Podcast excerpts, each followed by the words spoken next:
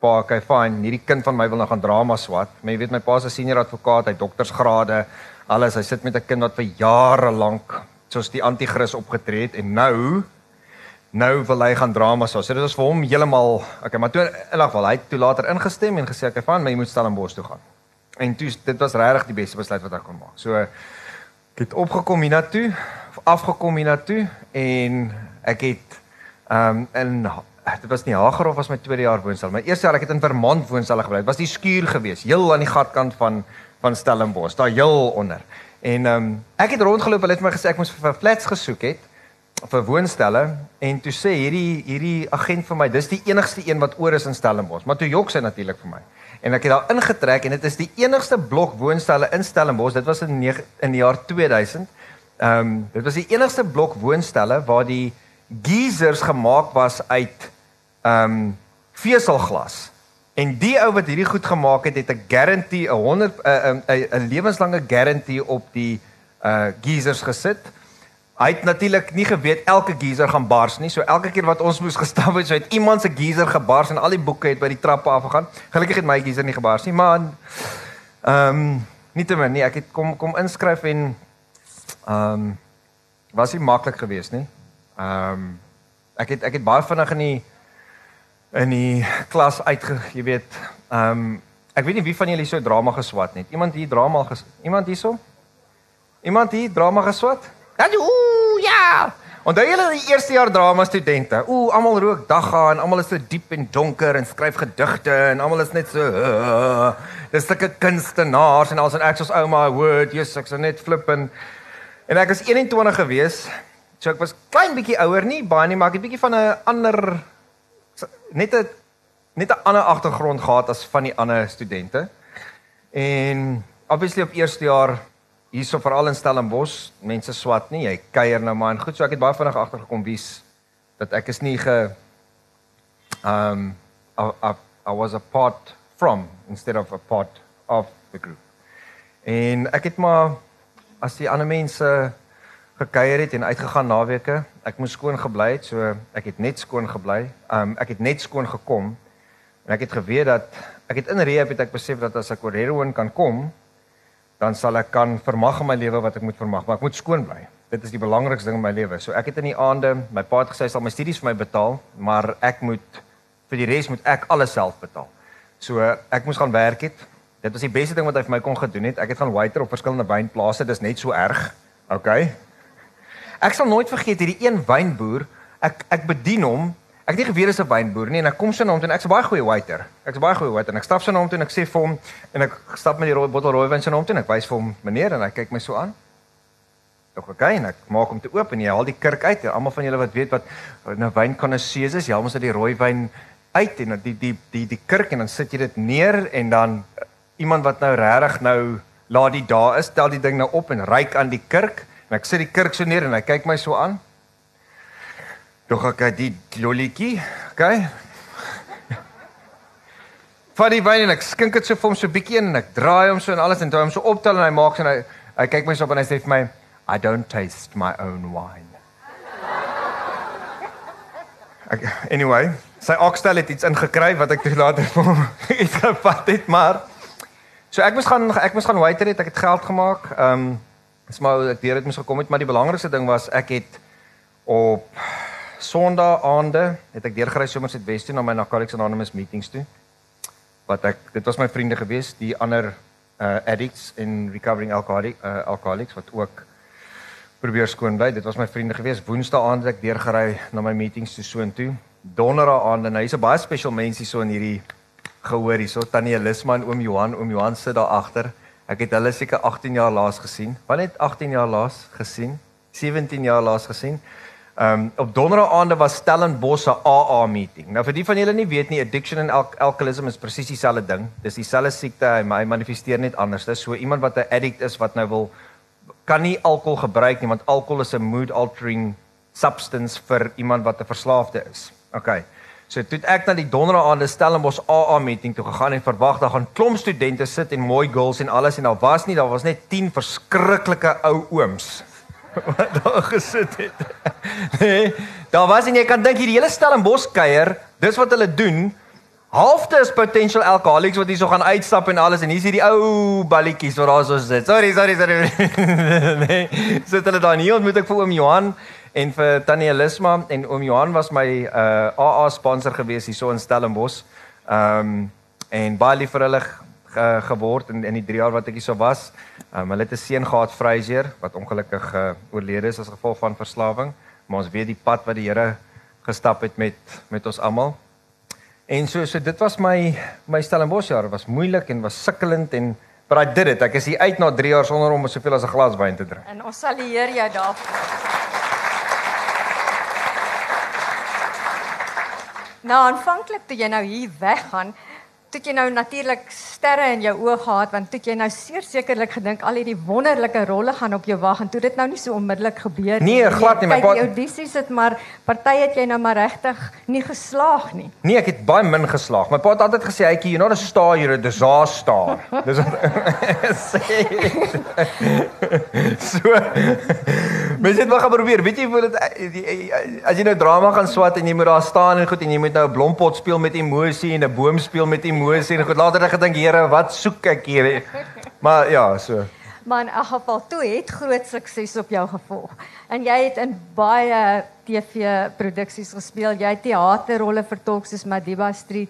Daar't baie um, en jou groot um deurbraak waarop almal van ons jou leer ken, dit was by Survivor. Maar hierdie jaar of die einde van verlede jaar voeg jy nou by daai indrukwekkende CV van jou hierdie nuwe boek Hytjieberg my storie van hoop. En um, iemand het dit in die rapport, ek dink dit was JB Roo, het dit beskryf as trauma literatuur. Maar nadat trauma literatuur. Maar nadat ek die boek gelees het, het ek besluit ek sien dit as 'n getuienisverhaal want jy bespreek regtig hier van 'n jong lewe af jou hele lewe en jy kom lê alles vir ons voor. Maar op die einde kom jy wel by 'n storie van hoop uit. En in jou eie woorde, jy sê jy het hierdie 'n boek geskryf om mense hoop te gee, te inspireer en die wêreld te probeer verander. Al is dit een hart op 'n slag. Nou ek wil net hê jy moet nou kortliks vir ons vertel waarby jy tans betrokke is om hierdie wêreld en hierdie primêre doel van jou om mense se harte te verander een hart op 'n slag. Waarby is jy tans betrokke? Ehm um, uh ek dink ek wil net 'n bietjie teruggaan. Toe ehm um, daar's 'n gebed wat wat vir elke na ehm um, 12 stap program in die wêreld gebid word ek praat van gambling anonymous, alcoholics anonymous, narcotics anonymous, sex addiction anonymous, al daai tipe goed. Hulle noem dit die die gemoedskalmte gebed, die serenity prayer. And say God grant me the serenity to accept the things I cannot change, the courage to change the things that I can and the wisdom to know the difference. En in my eerste rehab toe ehm um, het ek vir die eerste keer daai gebed gelees, maar iemand anders het hom bietjie verdraai en hom anders te gaan skryf. En die gebed sê en ek het eers in latere jare in my lewe die die gravitas en die impak van hierdie gebed op my lewe begryp. Dat as ek die lewe wil verander en as ek mense hoop wil gee dan moet ek toepas wat daai gebed sê. En die gebed hoe hy hom geskryf het was God grant me the serenity to accept the people I cannot change the courage to change the people that I can and the wisdom to know that that person is I. So so dit was 'n verskriklike profound jy weet jy daai penny gedrop het toe ek toe ek besef dat ehm um, dat as ek die lewe wil verander, dit begin by my. En dit is 'n groot verantwoordelikheid wat jy vat, soos om hierdie boek te skryf. Dit is 'n groot verantwoordelikheid want dit is 'n accountability ding daar buitekant as ek weer moet val, gaan die wêreld my nie weer vergewe nie. Ek gaan nie, ek het al te veel keer teruggeval, te veel keer deur die persleg gesê na al die jare wat ek skoon was. So so dit begin absoluut by my en by die Here en op my knieë en saam met my vrou en in my huisgesin en met ons hondjies. Okay? Dit begin daar.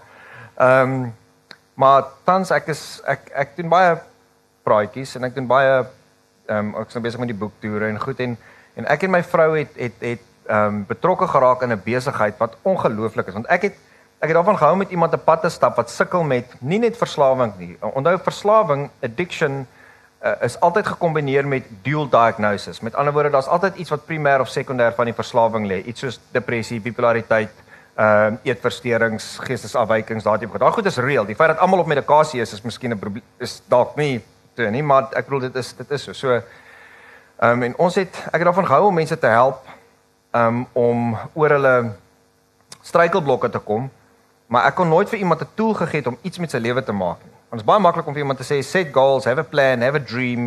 Um you have greatness inside of you. Ons almal weet die gees van die Here is binnekant in ons. Ons almal weet ons kan goed bereik wat jy weet, ons het world changing potential. Jammer vir my Engels. Ek het in 'n Engelshuis ook groot geword.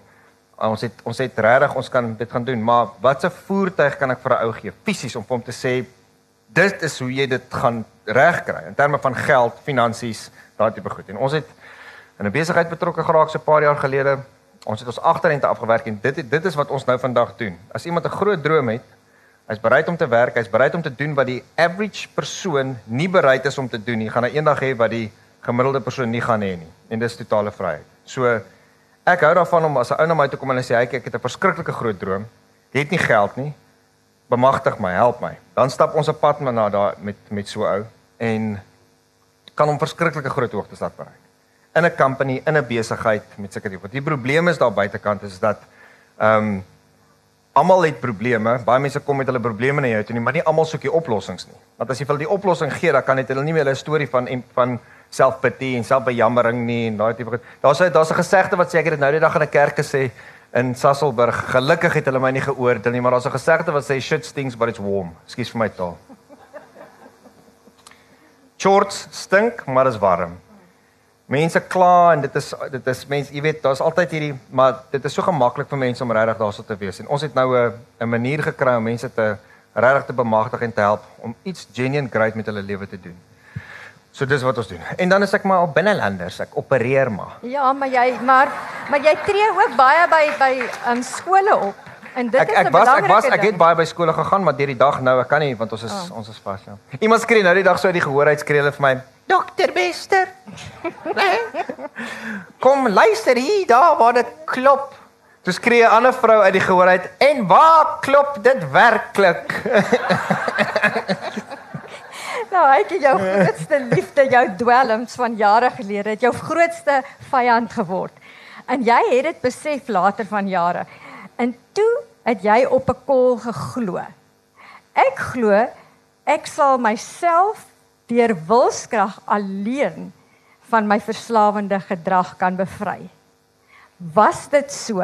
En as iemand hier in die gehoor sit en hulle kind sê vir hulle ek sal myself deur wilskrag alleen van my verslawende gedrag bevry. Sou jy sê dit is so? Glad. Nooit. Vertel vir ons. Ehm um, verslawing is 'n is 'n meeste mense weet dit nou ek is bly dat mense word nou opgevoed daarin. Verslawing is 'n is 'n biologiese, fisiologiese, geestelike, emosionele siekte.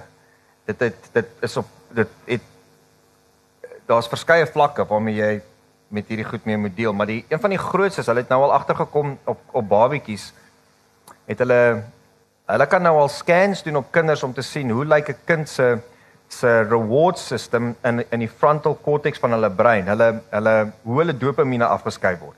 Met ander woorde, dis 'n absolute biologiese ding wat jy het.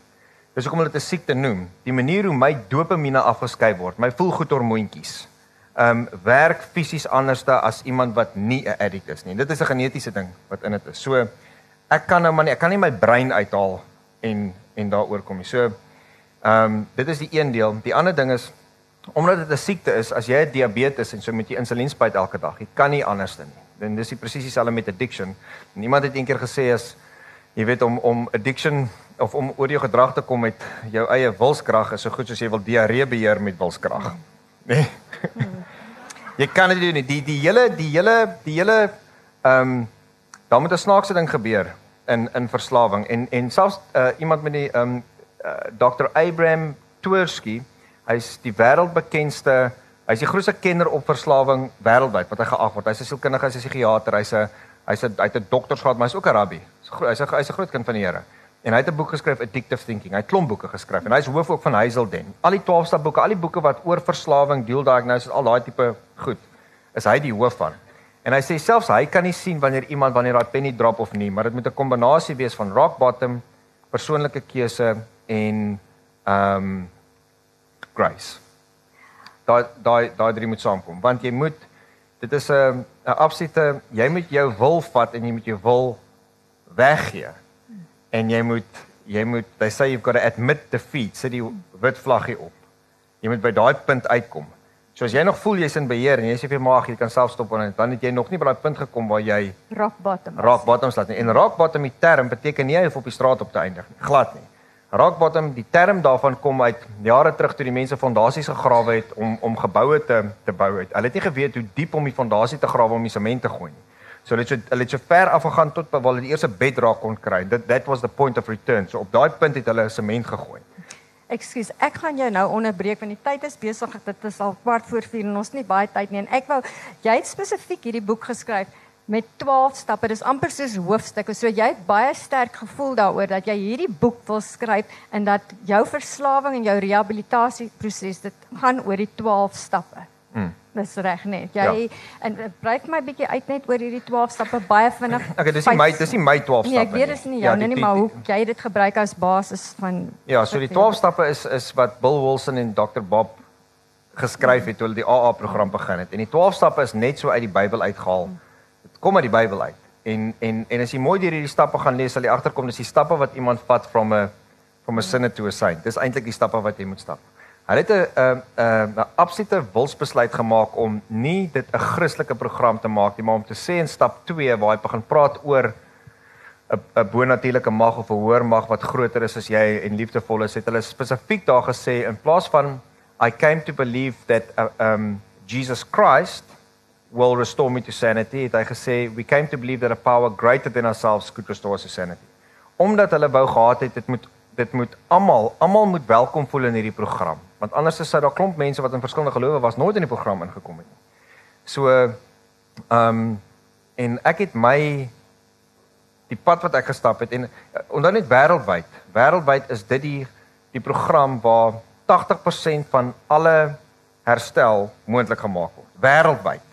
Is dit die is die is die, die tot ek wil ou praat. Ek wil die mense het daar's al soveel gepraat oor die 12 stappe. Ek het net my pad gevat binne in die 12 stappe ingesit en ek het verduidelik hoe dat dit 'n brug was vir my. Want dis eintlik wat die Here beplan het met die 12 stappe. Dis 'n brug wat hy jou nader en nader en nader aan hom toe trek en dan wys hy vir homself ek maar Jesus Christus is die koning.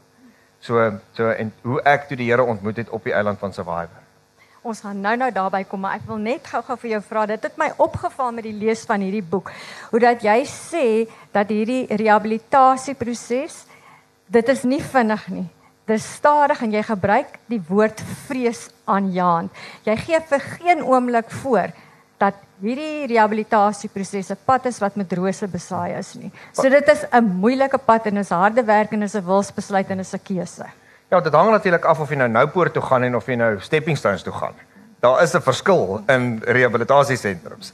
Ehm um, so die eerste paar rehabs waarna toe ek gegaan het was nou mooi. Dit het wat dit het goed gelyk ek het toe later toe eindig ek op nou maar in Weskoppies wat gratis was en vir net my pa se stuur net die kind soontoe want daar's nou al te veel duisende rande in hierdie kinders ingestoot en ek praat my ouer broer is 'n groot inspirasie vir my ek het glad nie oor sy pad gestap nie maar hy was 9 keer hier toe gewees my ouer broer was 'n tik addict en 'n alkolikus hy's nou 6 jaar skoon en dit gaan verskriklik goed met hom hy werk by Sanlam Private Investments maak baie geld maar anyway ehm um, Hy's en hy's ook deur die hele toet van van rehab. So daar's wonderlike rehabilitasiesentrums daar buitekant. Dit is nie die rehab wat jou kind gaan skoon kry nie, maar dit is taaf. Dit gee nie omdat jy kom daarin en jy moet onttrek en om van heroin te onttrek is nie lekker nie. Ek was 'n intravenous heroin addict, so ek het gespuit elke uur moes ek later begin inject het om aan die gang te bly en dit dis terrible. Ek bedoel as jy op heroin is en jy gaan badkamer toe en jy gaan sien vir Mugabe effects, nê, dan gaan sit jy nou daarso. Dan is jy so hardlywig soos jy Kan nie glo nie. Jammer dat ek net daaroor praat mense, maar dit is iets horribaal. As dit so val, dan breek dit op in duisende sulke kliphare stukkies. Né? En as jy van dit af is, dan dan gebeur iets die presies teenoorgestelde in jou liggaam. ek gaan nie nou verduidelik hoe dit lyk. Maar dit is nee, dis verskriklik. Ek bedoel dit vat so 3 weke vir heroin om regtig uit jou stelsel uit te kom wat jy nie kan slaap nie, wat jy voel die bloed hardloop. Jy voel elke liewe aar in jou arms, die bloed hardloop deur jou arms jy's depressief want jy het al jou dopamine uitgeskei en jy moet fisies gesond word. Jy weet jy moet Nee, is verskriklik. Maar dan onthou net as jy die rehab, daai 6 weke of 6 maande of 'n jaar is net 5% van jou herstel. Jy is altyd in herstel. Mm. You never recovered ooit. Mm. Jy's altyd in 'n pad van herstel daagliks op 'n daaglikse jy weet jy moet aanhou. Ek het vir jare daarna terapie gehad by by mense wat ek wat ek wat jy in jou kinderjare ingaan en geklomp. Dit is dis dis 'n aanhoudende proses. Mm.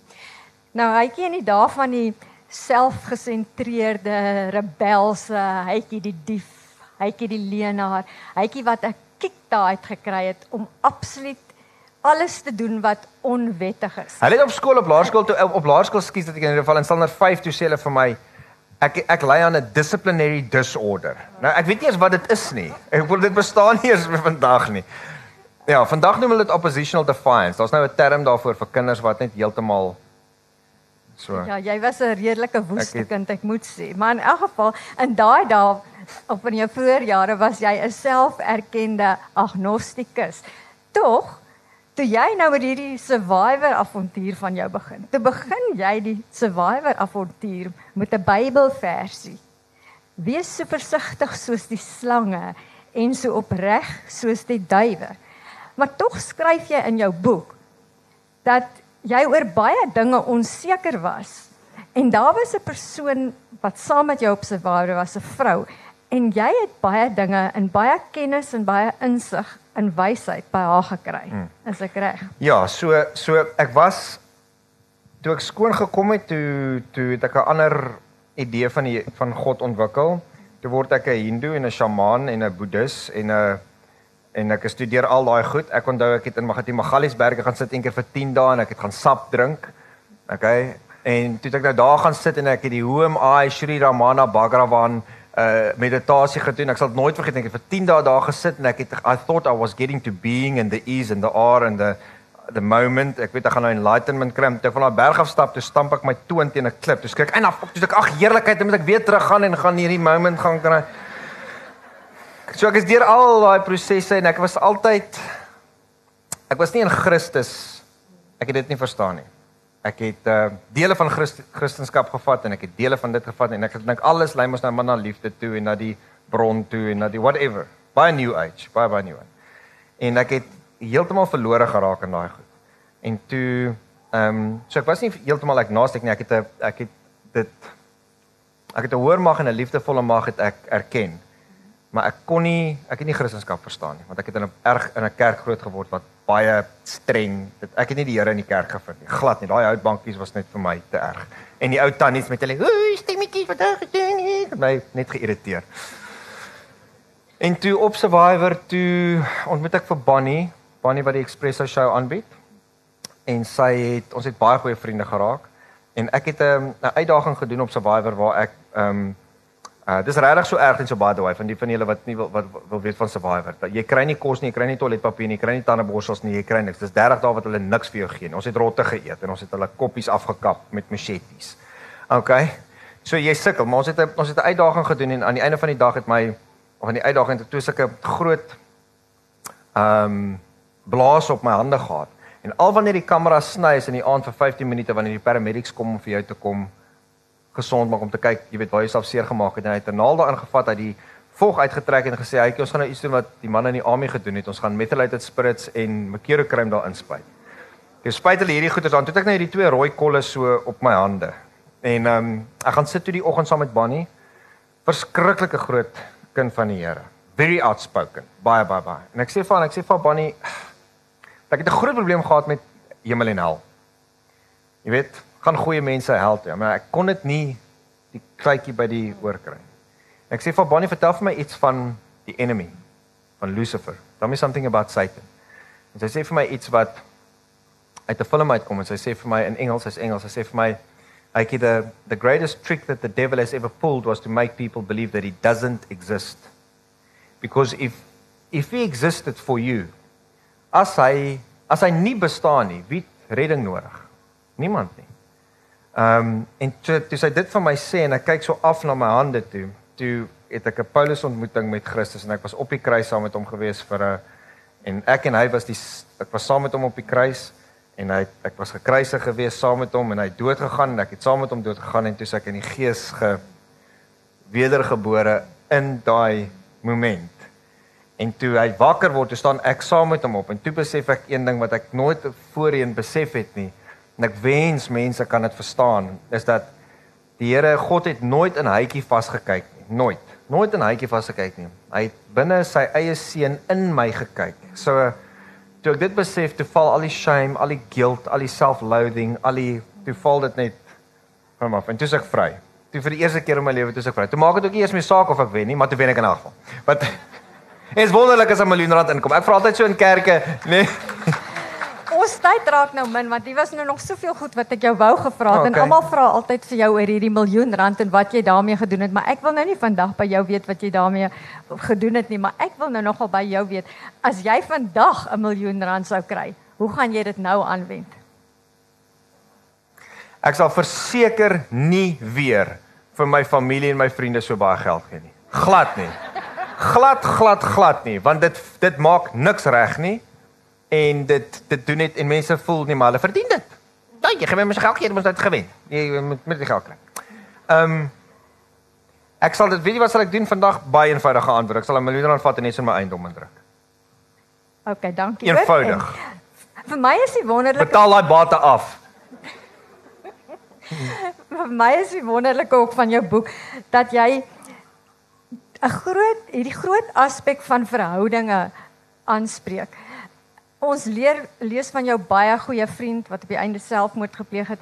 Ons leer en lees van van jou verhouding met jou ouers en ons lees van egskeiding en ek moet sê soos wat ek die boek gelees het, jy gee op baie plekke. Dis amper vir my soos 'n selfhelpboek. Op ek het ek het begin neerskryf op watse bladsy. Dit was 'n oneindige klomp bladsy wat jy vir mense sê. En ek dink dis hoekom jy die boek moet lees. Want selfs as jy 'n kind het of jy 'n familielid of 'n vriend wat 'n kind het wat aan dwelms verslaaf is, hy gee vir jou soveel tools in hierdie boek oor verslawing. Laat en as dis soos 'n selfhelpgids op plekke. En ek dink dit is die wonderlike van hierdie boek wat hom anders maak as baie van die ander boeke wat ons al gelees het oor verslawing, want jy praat eerstens en jy sê luister hierso, dis wat jy moet doen en dis is ons koppe werk. Nie soos wat jy dink nie. En ek dink Um, in daai opsig wil ek jou baie geluk wens want ek dink dit is baie geslaagd want ek het regtig baie geleer daaruit en ek het self 'n boek daaroor geskryf so dit is vir my baie interessant geweest. Ehm um, ek dink net ons uur is verby en is my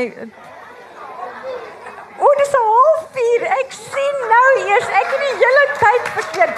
Ek het net begin benoud raak. Goed. Luister ja, ek het op die uur gewerk, nie op die halfuur nie. Goed. Dan is die ander belangrike ding wat ek vir jou wou gevra het en jy het dit aangeraak toe jy gepraat het van Bonnie.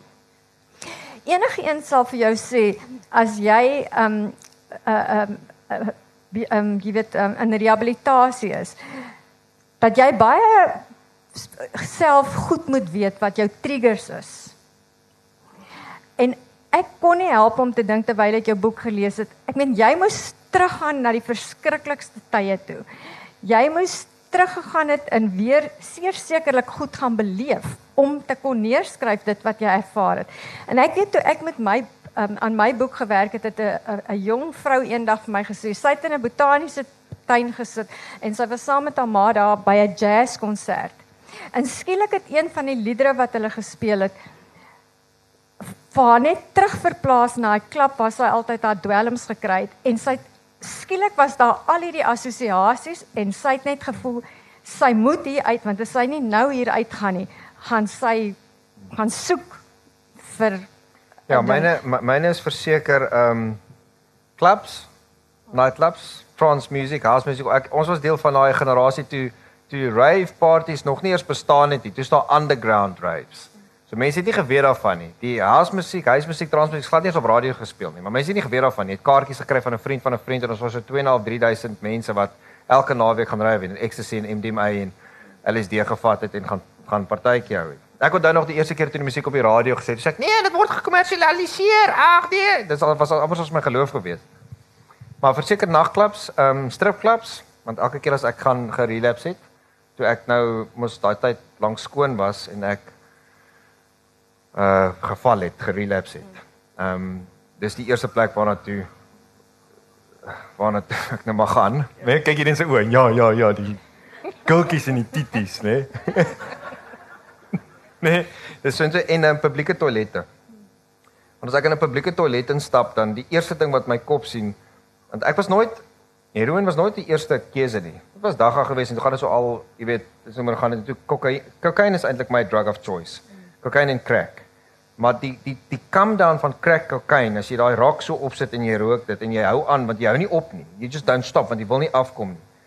Maar een of ander tyd moet jy dit los en jy moet afkom. Daai depressie is so erg dat as jy 'n klein bietjie Thai white heroin vat, jy gooi dit op voel jy, hulle noem dit as jy when you chase the dragon, chasing the dragon. En jy jy laat dit net so jy rook dit net 'n bietjie, dan bring dit jou dan gaan jy kan jy kan slaap dan en jy kan jy dan nie daai depressie nie. So dis toe wat ons begin doen het, almal van ons wat so crack gerook het en stadig maar seker het die heroin ons toe nou gevat totdat dit jou gehad het. So as ek in 'n publieke toilet ingestap het, nou nog as ek instap, dan gaan daai ritueel se deur my kop hoe ek die pakkie uithaal en die folie langs my sit en al die goeie doen. So ek is daar in en ek gaan sit dit net by die kruis en ek ek wil dit net baie duidelik maak vir mense. Jy weet baie mense sê ehm um, mense is nou al so moeg oor my oor my dwelm storie, maar my eerste 8 jaar wat ek skoon was, toe ek klaar drama gaan swat het en ek in die bedryf van gekom het en ek begin speel het en ek het begin opvoer en dit het baie goed gegaan met my loopbaan. Niemand, niemand, niemand in die publiek het geweet van my probleem nie. Niemand. Nobody knew totdat ek geval het klompie jare terug. Ek het daai om die wêreld ding aangebied. Wie het om die wêreld gekyk? Om die wêreld. Daar was 'n klein meisie Juanita, sy was so klein. Sy moes op 'n bok staan om by my kop uit te kom. So so so jonk was sy gewees en toe ons dit aangebied het, daar het 'n kameraman in die badkamer ingestap en hy het 'n lyn cat op die toilet seat gaan vat. En ek het daar ingestap gekom, uh, ingestap gegaan en ek het my vingers so, ek het gesien hy stap en hy maak so. En toe ek instap, toe vat ek my vingers so oor die toiletbak en ek sien nie poeier so en toe maak ek so. En toe val ek, maar dit So daai klomp goed gebeur wat my toegelaat het om dit te doen. Ek het gedink ek staan, ek het gedink ek weet alles, ek het gedink in Narcotics Anonymous ek het nou alles gedoen, niemand kan my iets leer nie. My werk het goed gegaan, alles het goed gegaan. So ek het my my nederigheid het verander in geestelike arrogansie. Klomp goed het gebeur met my. Was nie by die Here gewees nie. Was in al hierdie new age goed. So maar en toe eers toe ek val en ek op hierdie verskriklike 2 jaar binge gaan, by Sewenlaan gefire en my dit het dit verskriklik gaan en toe die pers my toe in die hande kry toe toe pleg hulle die storie oop. En toe sê my publisiteitsbeampte vir my, "Hytjie gaan vertel die storie vir die publiek." Dan weet hulle gaan hulle nooit weer krap nie. Maar wat het gebeur het is ons het ek het gegaan en ek het ek net maar 'n storie gedoen en gesê hytjie was in rehab en ek is nou uit en ek is skoon, maar die dag wat die tydskrif toe nou op die rakke gekom het, het ek weer in die gutters gelê. En dan het ek 'n koei ladding gaan doen. Ek het nou weer hier uitgekom skoon gekom en dan het ek weer in die gutters gelê. So het dit aangehou totdat almal gedink het man, hulle wil nie meer een storie oor dit hoor nie want hy's nie skoon nie. Hy is nie uh, ons weet nooit wanneer hy die, die waarheid praat nie. En dit het, het alles net begin deur so te maak op die toilet sit. Dit het baie erger gegaan in daai 2 jaar as ooit van tevore. Ek het nie terug gaan heroin toe nie, maar ek het my huis verloor, my kar verloor. 5 keer terug rehab toe hulle 'n naald in my hart ingedruk. Ek het in Weskoppies opgeëindig vir 3 maande. Ehm um, dit het verskriklik verskrik want want uh, verslawing is progressief, it's progressive. Mm. So as ek as jy ophou, die dag as jy optel, tel jy nie op soos wat toe jy opgehou het nie. Jy tel op asof jy aangehou gebruik het. So dis hoekom soveel mense overdose as hulle gebruik, want hulle relapse en dan dadelik gebruik hulle asof hulle nog 10 jaar terug nooit gestop het nie. So Ja, ek dink dit is daar wat die waarskuwing is vir ek dink as jy met die kinders in die skole praat dat hulle besef hoe ernstig dit is. Dit is sommer net vir ek gaan net gou-gou weer probeer nie. Dit kan groot konsekwensies hê. Ek meen jy kan weer terugval in daai gat en dit is dieper as ooit. Ehm um, met met die skryf van die boek, ehm um, vertel jy baie oor jou verhouding met jou ouers, met jou verhouding met jou broers en die invloed wat dit op jou gehad het nou op die keuses wat jy uitgevoer het. As jy lus om 'n bietjie met ons te praat ja, nou, daaroor. Ja, natuurlik. Ek ek ehm um, ek was nou die dag in 'n kerk gewees en die die tema was gesonde gesinne. Dit staan so teen die kerk se mure, gesonde gesinne. en ek sê ek wil net gou vir julle sê alle families met meer as een lid is dysfunctional, hoor. Jy weet? So daar bestaan nie functional gesinne daar buitekant nie. Dit is net so. Ek het groot geword in 'n era waar alles is agter, alles is toegehou. Niemand mag geweet het wat in die huis aangaan nie. Ehm um, al die ander families het altyd so perfek gelyk en jou, jou jou familie het gevoel asof dit asof dit bietjie asof daar probleme was, maar ehm um, ek het 'n baie moeilike pad met my ma gestap baie. Ek is 16 by die huis uit toe het ek op my eie gaan bly. Ehm um, want ons sou mekaar vergiftig het. Regtig. Ek weet nie wie sou mekaar eers vergiftig het nie, maar ons ons het net nie daar was geen vrede in die huis gewees nie. En dit was dit was 'n manier van my om dit te gemanipuleer het om uit die huis uit te kom en in 'n huis gaan bly wat my pa gehad het in Brooklyn en Pretoria sodat ek op my eie kon gaan bly. En ek het 'n selfmoord poging gevnuik wat toe nie so goed uitgewerk het soos wat ek gehoop het dit gaan werk nie. Ehm um, en ek het in die badkamer gegaan en ek het 'n steekmes gevat. Ek het weet my ma's in die huis en ek was lekker dronk die dag en ek het 'n steekmes gevat en ek het my my hier gaan oop sny. Nou ons almal weet jy sny so oop en nie so nie, okay? En ek het so ek het my hier oopgesny en ek het die bloed so op die mat gedruk en oral op die vloer en ek het selfs so teen die spieël gaan staan. Ah, ek kry nie asem nie, aan dood gaan. En ek het dit het soos 'n Freddy Krueger kamer gelyk. Toe ek daarso in die hoek gaan lê, want ek het geweet my ma gaan in die badkamer ingaan en dan gaan my pa uitvind later wat gebeur het en hy gaan sê jy kan nie meer daar bly nie. Dis al lank al geskei. En ek het ek het toe nou daar gaan lê, was 1:00 die middag, 2:00 toe is my ma nog nie in die badkamer in nie. Okay? Toe vat ek net maar weer daai mes sny oop, weer druk nog bloed op, lê daar 3 uur toe sy nog nie daar nie. Vat die mes sny. Toe kom sy nooit in die badkamer in nie. 6 uur daai middag. Nou lê ek die hele tyd daaks honger. Dit lyk verskriklik, is 'n nagmerrie. Niemand kom in die badkamer in nie. En toe 6 uur daai middag toe kom my pa daar ingestap. Toe hy kom kuier van die Kaap. Hy het net kom kuier. En toe sien hy my, toe tel hy my op, gooi my oor die, oor my skouers, oor sy skouers en hy loop uit en hy draai so terug na my ma en hy sê sien jy wat doen jy aan ons kind? Hy het baie ander woorde ook gebruik. En ek dit is dis siek, verstaan jy? Ek bedoel dis geestelik siek. Ek was 'n baie frustreerd. It was a sick thing. I was it was it was 'n groot cry for help eintlik, jy weet. En ek het my pa het my daar uitgedra en ek het gaan, "Yes, yes, dit werk, dit werk, werk."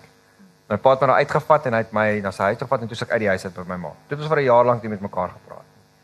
Ehm um, maar sy was nog altyd my ma se moeilike tannie gewees, moeilik. Daar's sy die huis waar my pa die huis ehm um, sy huisgesin uit liefde uh groot gemaak het, het my ma meestal dit uit vrees gedoen. Want jy kan net uit twee plekke van jou lewe uit regtig uh optree, of vrees of liefde alle alle negatiewe emosies goed soos resentment, bitterheid, kwaad, worry, anger, dis alles oppervlakkige emosies vir vrees because you're afraid of rejection, afraid of insecurity, afraid of abandonment, afraid of goed. En my ma het weer uit 'n huis uit gekom. Sy het haar fout nie. Sy het uit 'n huis uit gekom wat haar pa so was. So sy was 'n baie kwaai kwaai ma gewees. En sy het gedink hoe meer sy ons hoe meer sy ons wil straf en ehm um, hok en met ons beklei, hoe beter gaan dit word. En dit het nie glad nie gewerk nie. Dit het ons net meer en meer en meer weggestoot. En toe ek op my eie gaan bly.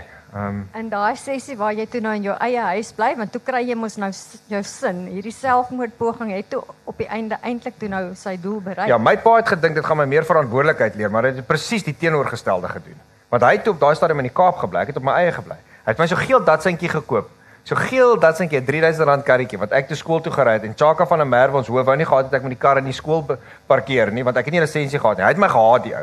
Toe besluit ek ek gaan die karretjie parkeer reg voor sy kantoor buite die kant dat hy elke dag aan daai karretjie kan vaskyk. En ek het net daar geparkeer. Chaka sê so by sy venster uitgekom en daar staan 'n geel banana. My karretjie. En net die Here weet hoe ek deur skool gekom het, maar ek het ek het goed matriek deurgekom want ek het geweet dit is my een ehm um, uh as ek my punte redelik above average kan hou, dan sal hulle nie vra vra nie met wat ek mee besig was nie. En toe die eerste jaar na skool het ek toe nou afgevat en uh ja, toe dit maar Ek moet sê dis verstommend as mens nou na jou kyk en jy lees in die boek dat jy allerlei dinge probeer het om aandag te trek en om eintlik as ek lees dan dan, is dit soort van jy het aanvaarding gesoek en jy het liefde gesoek. Jy het gegaan vir musieklesse en jy het gegaan en jy transport doen en jy het allerlei dinge aangepak wat amper vir mense lyk as jy die boek lees is amper normale dinge maar dit is dinge wat jy gedoen het om aandag te trek en steeds het jy gevoel maar jy pas net mooi nêrens in nie. En ek het ek het op op 'n baie jong ouderdom begin steel. Ek was klein geweest en ek het alles gesteel wat ek in die hande kon kry. Ek het altyd my my my my pa se vriende se se silver lighters en goed gesê. As hulle wonder waar is hierdie goed, dan is hierdie ding 20 jaar oud wat sy pa vir hom gegee het of 30 jaar en dan ek hom gevat, nê? Nee? En ek het so 'n plekkie gehad agter my lesenaar in my kas. Ons het in 'n groot Kaaps Hollandse huis gebly in Pretoria. Groot. En ek het so 'n plek gehad waar ek hierdie goed weggeberg het want dit het my ek weet nie dit het my 'n uh, gevoel gegee van daar's iets waarin in my lewe waarin ek in beheer van is. Dis my secret and it made me feel good. Dit was nie dat ek 'n dief was en dit maliciously bedoel het nie. Dit was net ek het dit net gedoen want ek wou net gedink dis my ding hierdie. Ehm um, so En en die feit jy het geboks as 'n sport, op watter stadium het jy dit gedoen? Nee, vader, laat my te seer geslaan. Ek ek was nooit sportief nie. Ek was op laerskool was ek die tweede stadigste ou op skool. En my my my goal was altyd om vir Gideon Joubert te wen met die 100 meter en ek het hom altyd gewen. Hy was die stadigste en die vetste, nê? Nee? Vir Gideon, maar ek het hom gewen. Ehm um, so ek was glad nie glad nooit in sport in. Op hoërskool twee games vir die Kaas en Wynspan gespeel, sesde span. Ek was vir al twee games net 5 minute op die veld. Ehm um, die eerste net ek wou ek iemand geslaan het en toe slaan hy my, toe lê ek. En die ja, die tweede game het ek seer gekry, maar ek het eers begin toe ek ehm um, Dotsplat uitgekom het. Dit was 'n rehabilitasiesentrum. Ek het in ek het daar begin oefen. Want op skool niemand op skool, daar was 'n een onderwyser wat ooit vir my gesê het, "Hytjie, jy weet, wat gaan in jou lewe wat in my there was nobody ever there in my corner. I never felt like there was anybody ever in my corner." So, die enigste ou, die enigste ou toe ek groot geword het wat tyd gevat het met my, was my sonnaarskoolonderwyser in my standaard 8 jaar. Sy naam was ehm um, ehm um, om Kriekdreier. En en en wat hy gedoen het is as ek gaan sonnaarskool as ek na nou hom toe gegaan het na die tyd as die kinders weg was, het hy my 'n sigaret gegee. En ek het dit gelaaf. Okay, dit was nog so 'n Mills boksie geweest, maar hy het goed geweet dat hierdie met hierdie kind wil ek 'n pad stap, maar ek gaan sy vertroue wen as hy saam met my kan kan roer. En en dit was vir my so ek dis iets wat ek nooit in my lewe sal vergeet nie. Nou baie ouers sal sê, "Maar hoekom sal jy vir die kind 'n sigaret gee?" Hy het die insig gehad om dit met daai tyd, daai tyd met my te doen. En ek um, dink hy het besef hy met die voorbeeld stel. Hy kan nie vir jou sê jy mag nie rook nie, maar hy rook self. Ja, so, maar dit was nou wonderlik dat ek is laity is en hierdie ou gee vir my 'n sigaret en ek sit nou daarso en dit was vir my verstommend dat hierdie ou kind van die Here is en my rook en alles en so net my ek het 'n ek het 'n goeie vertrouensverhouding met hom met hom opgebou. So En Hytjie, hoe lank is jy? Ja, ekskuus, jy het net gevra my gevra oor die boks. Ek het begin ek het begin oefen na dat ek begin skoon gekom het. Want op skool is daar vir my allerhande goed gesê en as kind glo jy dat jy nie enige vermoëns het nie. En ek begin langafstande hardloop. Dit ek begin boks klompie jare terug en ek het my vrou ontmoet by 'n boksstudio. Die Transnet boksstudio. Ek het vir Transnet geboks. En vertel net vir diegene wat nie weet wat sy doen nie, wat doen sy? So, my vroukie werk by Discovery. Sy sê ek sê mos sy's omtrent so lank soos jy. Miskien 'n klein bietjie langer. En uh en sy's SA kampioen bokskampioen gewees. Sy was SA Muay Thai, sy was SA kickboxing, sy was wêreldkampioenskappe toe gewees so klein, haar bobientjies lyk soos 'n drumsticks. Dit is verskriklik mooi, né? Nee? en ek het haar daar ontmoet en ons het vriende geraak en um, en from me to marry 9 months. En ons het ons huwelik gedoen. Niemand het geweet dat ons gaan trou nie. Niemand nie. Ons het ons troue ek ehm um, ons het 256 van ons vriende, almal ons kennisse en mense wat ek na hulle pad mee, want ek het nie 'n beste vriend meer nadat Ian homself geskiet het nie, my beste vriend. Ek het mense wat naaste aan my hart is as ander en ek het mense wat aan seisoene groot dele my lewe geloop het. Ons het al daai mense genooi. Ons was op Lindbergh in 'n in 'n op 'n boutique plaasie gewees en ons het vir almal gesê dit is 'n dis 'n verlovingspartytjie. En toe hulle daar aankom, toe kom sy sommer uit met haar trourok. Toe se praat ons almal. Toe trou ons en dit's dan Die enigste probleem is dit ons het nie ehm um, trougeskenke gekry nie want niemand het So jy het so half elope. Ons het so half eintlik elope, ja. Die ouers het geweet, dis al wie geweet het. So.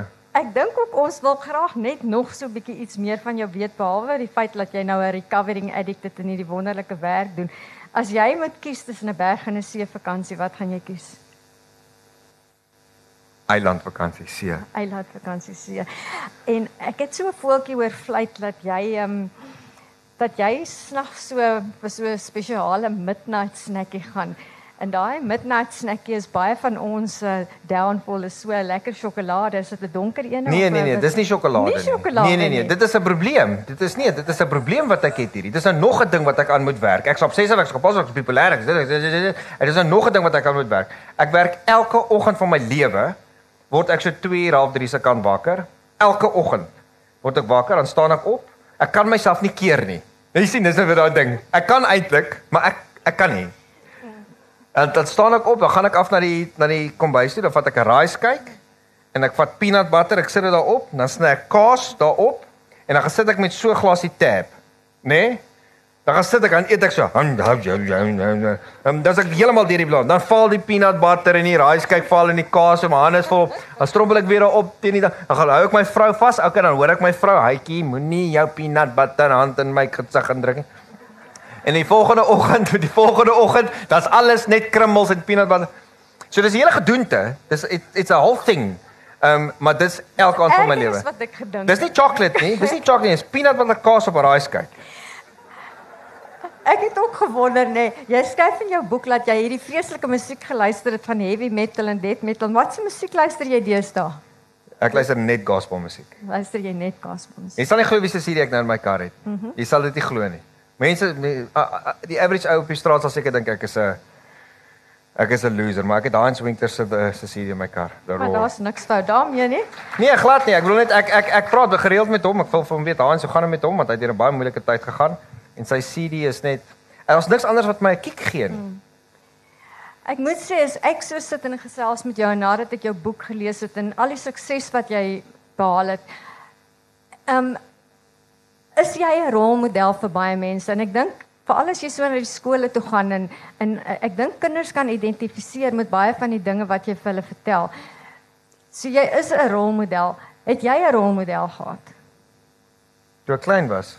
En selfs nou is daar iemand Elke Pound was my rolmodel mm. in my vorige dae. Mm. Nee. Ehm um, uh, Ek is verskriklik lief vir my pa. Baie lief vir my pa. Alles wat ons deur is en goed. Ek is ek is ek is baie baie lief. Maar ek, ja, en ek ek ek lees ek lees verskriklik baie. So ek lees baie biografieë en ek lees baie boeke oor persoonlike ontwikkeling en ehm um, en the greats. Ek lees baie boeke oor ouens wat regtig goed in hulle lewe vermag het, inspirerende stories. Ehm um, Ek dink dis belangrik dat mens jouself op hierdie pad op hierdie rehabilitasieproses want jy is nog steeds 'n recovering addict dat jy jouself nog steeds um positief jy weet boeke lees en so aan maar ek wil ook by jou ek wil eintlik hierdie gesprek afsluit met jou eie woorde in die laaste hoofstuk van jou boek op bladsy 209 waar jy sê die geheim is om dit wat jy vrylik ontvang het naamlik 'n nuwe lewe te gee vir die wat dit ook nodig het En ek wil vir jou sê dankie. Want vir my is jy die hoop in aksie wat hierdie wêreld nodig het. En ek sê vir jou dankie daarvoor. Dankie Lana. Ek wil gou um, ek wil gou afsluit deur te sê um uh so die jare is daar 3 filosofieë wat en ek wil dit in Engels sê want ek lees in Engels en ek skryf ook in Engels. My boek eintlik net so, ek het die boek eintlik in Engels geskryf vir 6 jaar en toe sê ek het hom vertaal. Toe kry ek ook 'n klein hartaanvalletjie. En toe kom hy uit in Afrikaans. Nou gaan hy terug Engels toe. En sy naam is The Ultimate Survivor. Is dit nie cool nie, hè?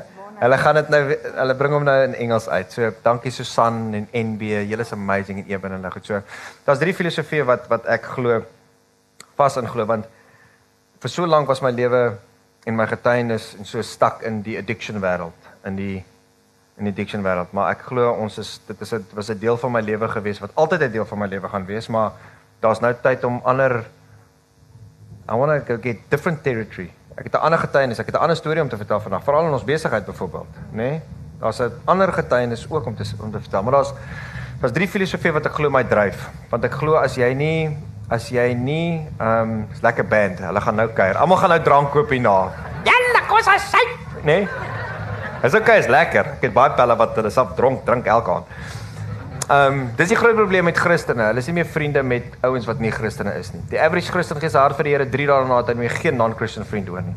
Die probleem met Christene is ons dink ons moet die die wêreld gaan bekeer en dit is absoluut nie wat die Here vir ons gesê het nie. Ons moet die mense gaan lief hê. God, Christ and his spirit will convict, do the conviction. We ons hoef nie uit te gaan en mense te gaan bekeer nie. Die drie filosofieë wat my lewe dryf, want as jy nie 'n filosofie het wat jou dryf nie, gaan niks werk nie, gaan niks help nie. Die eerste een is is that if you want something you've never had before, you have to do something you've never done before. Dis baie baie powerful. Die rede hoekom sekere mense dieselfde resultate in hulle lewe oor en oor en oor kry is because they keep on doing the same things. En hulle wil nie die risiko's vat of die ehm um, om iets anders te gaan gaan probeer nie. Dis die eerste ene. Um, die die tweede ene is dat it's not what happens to us in life that matters because what happens happens to everybody. It's what we do with what happens. Vandag oor die langdurigheid, dieselfde winde waaroor ons almal, oor ons almal. Ek ken duisende families wat se kinders addicts is en skoor gekom het in groter hoogtes as ek bereik het. Maar elke familie het deesdae die alkoholus, die gay persoon whether that's right or wrong doesn't matter to me I love them anyway. Maar die dysfunctionalities in die familie. Almal het mense wat eetversteurings het almal het die kom deel in die familie wat niemand al oor wil praat nie. Almal het die deel wat die die die die snaps wat dink ek hulle sê bedoel ons dieselfde goed gebeur met ons almal en oor die langdurigheid tref alles ons. Maar dit is dit is it's how we set our sail om vorentoe te gaan. Jy kan besluit of jy a victor or you're a victim. I mean dit is 'n keuse wat ons maak. Dit is 'n houding. It's an attitude thing Alles gaan oor attitude. Dit gaan oor whether I choose today to step into my greatness or I choose today to to not.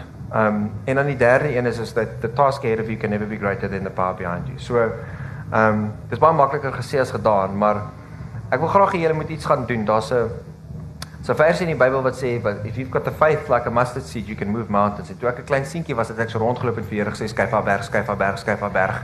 Nou kyk ek as ek ag heerlikheid sekere skrywer. Ek het mos nou gesom. En daar's net een, ek dink is die ou King James wat sê if you have the belief of a mustard seed you can move mountains. Gaan en gaan kyk na die Hebreëse woord bietjie. Gaan kyk bietjie daar. Belief is faith plus action plus confidence in Christ Jesus. Um dis hoe ons werke verskei. Faith without works is dead.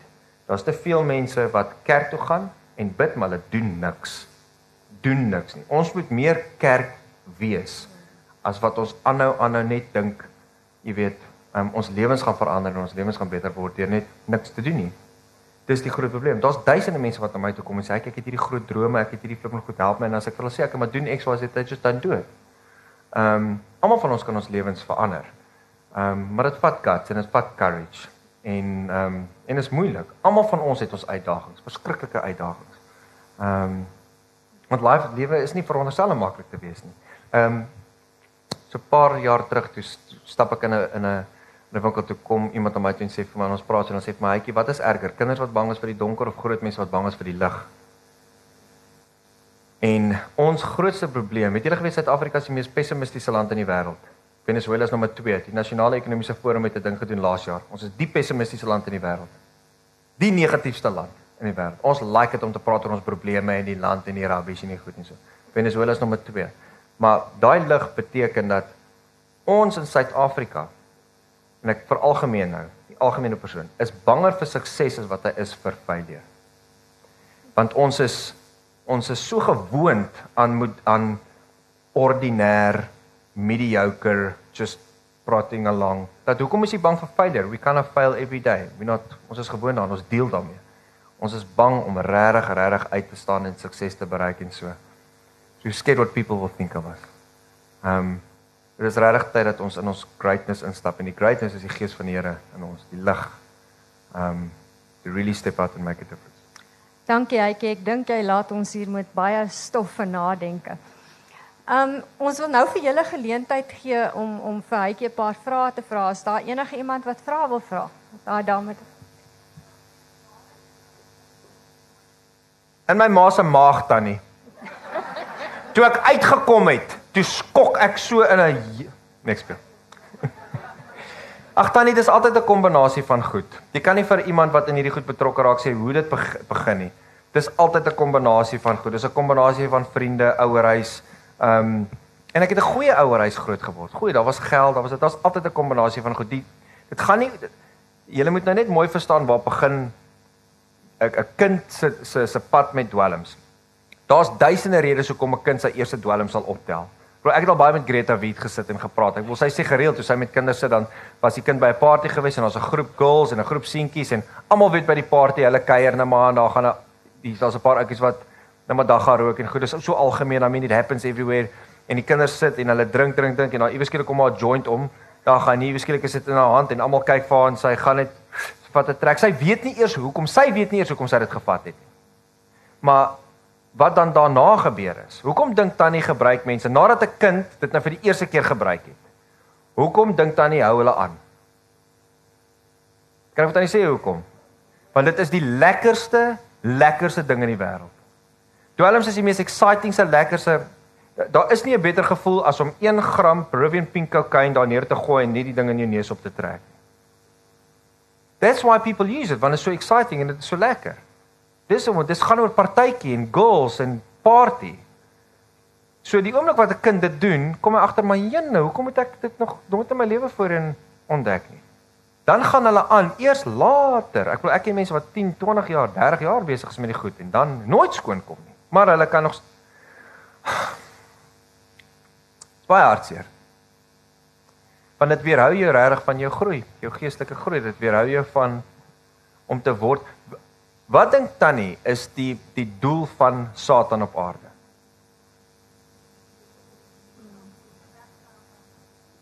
Ja, maar kan ek gou vir Tannie sê, weet Tannie geweet sy ook nie regtig nie. Glad nie. Hy worry nie of jy in die hemel of die hel kom nie, Tannie. Hy worry nie daaroor nie.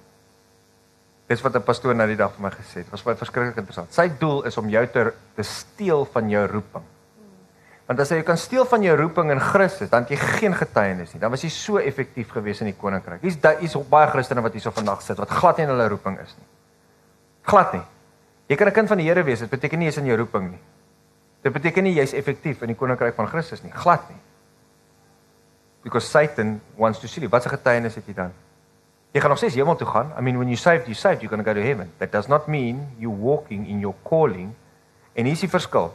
Jou passie kry in jou drome. Jou calling kry in jou pyn.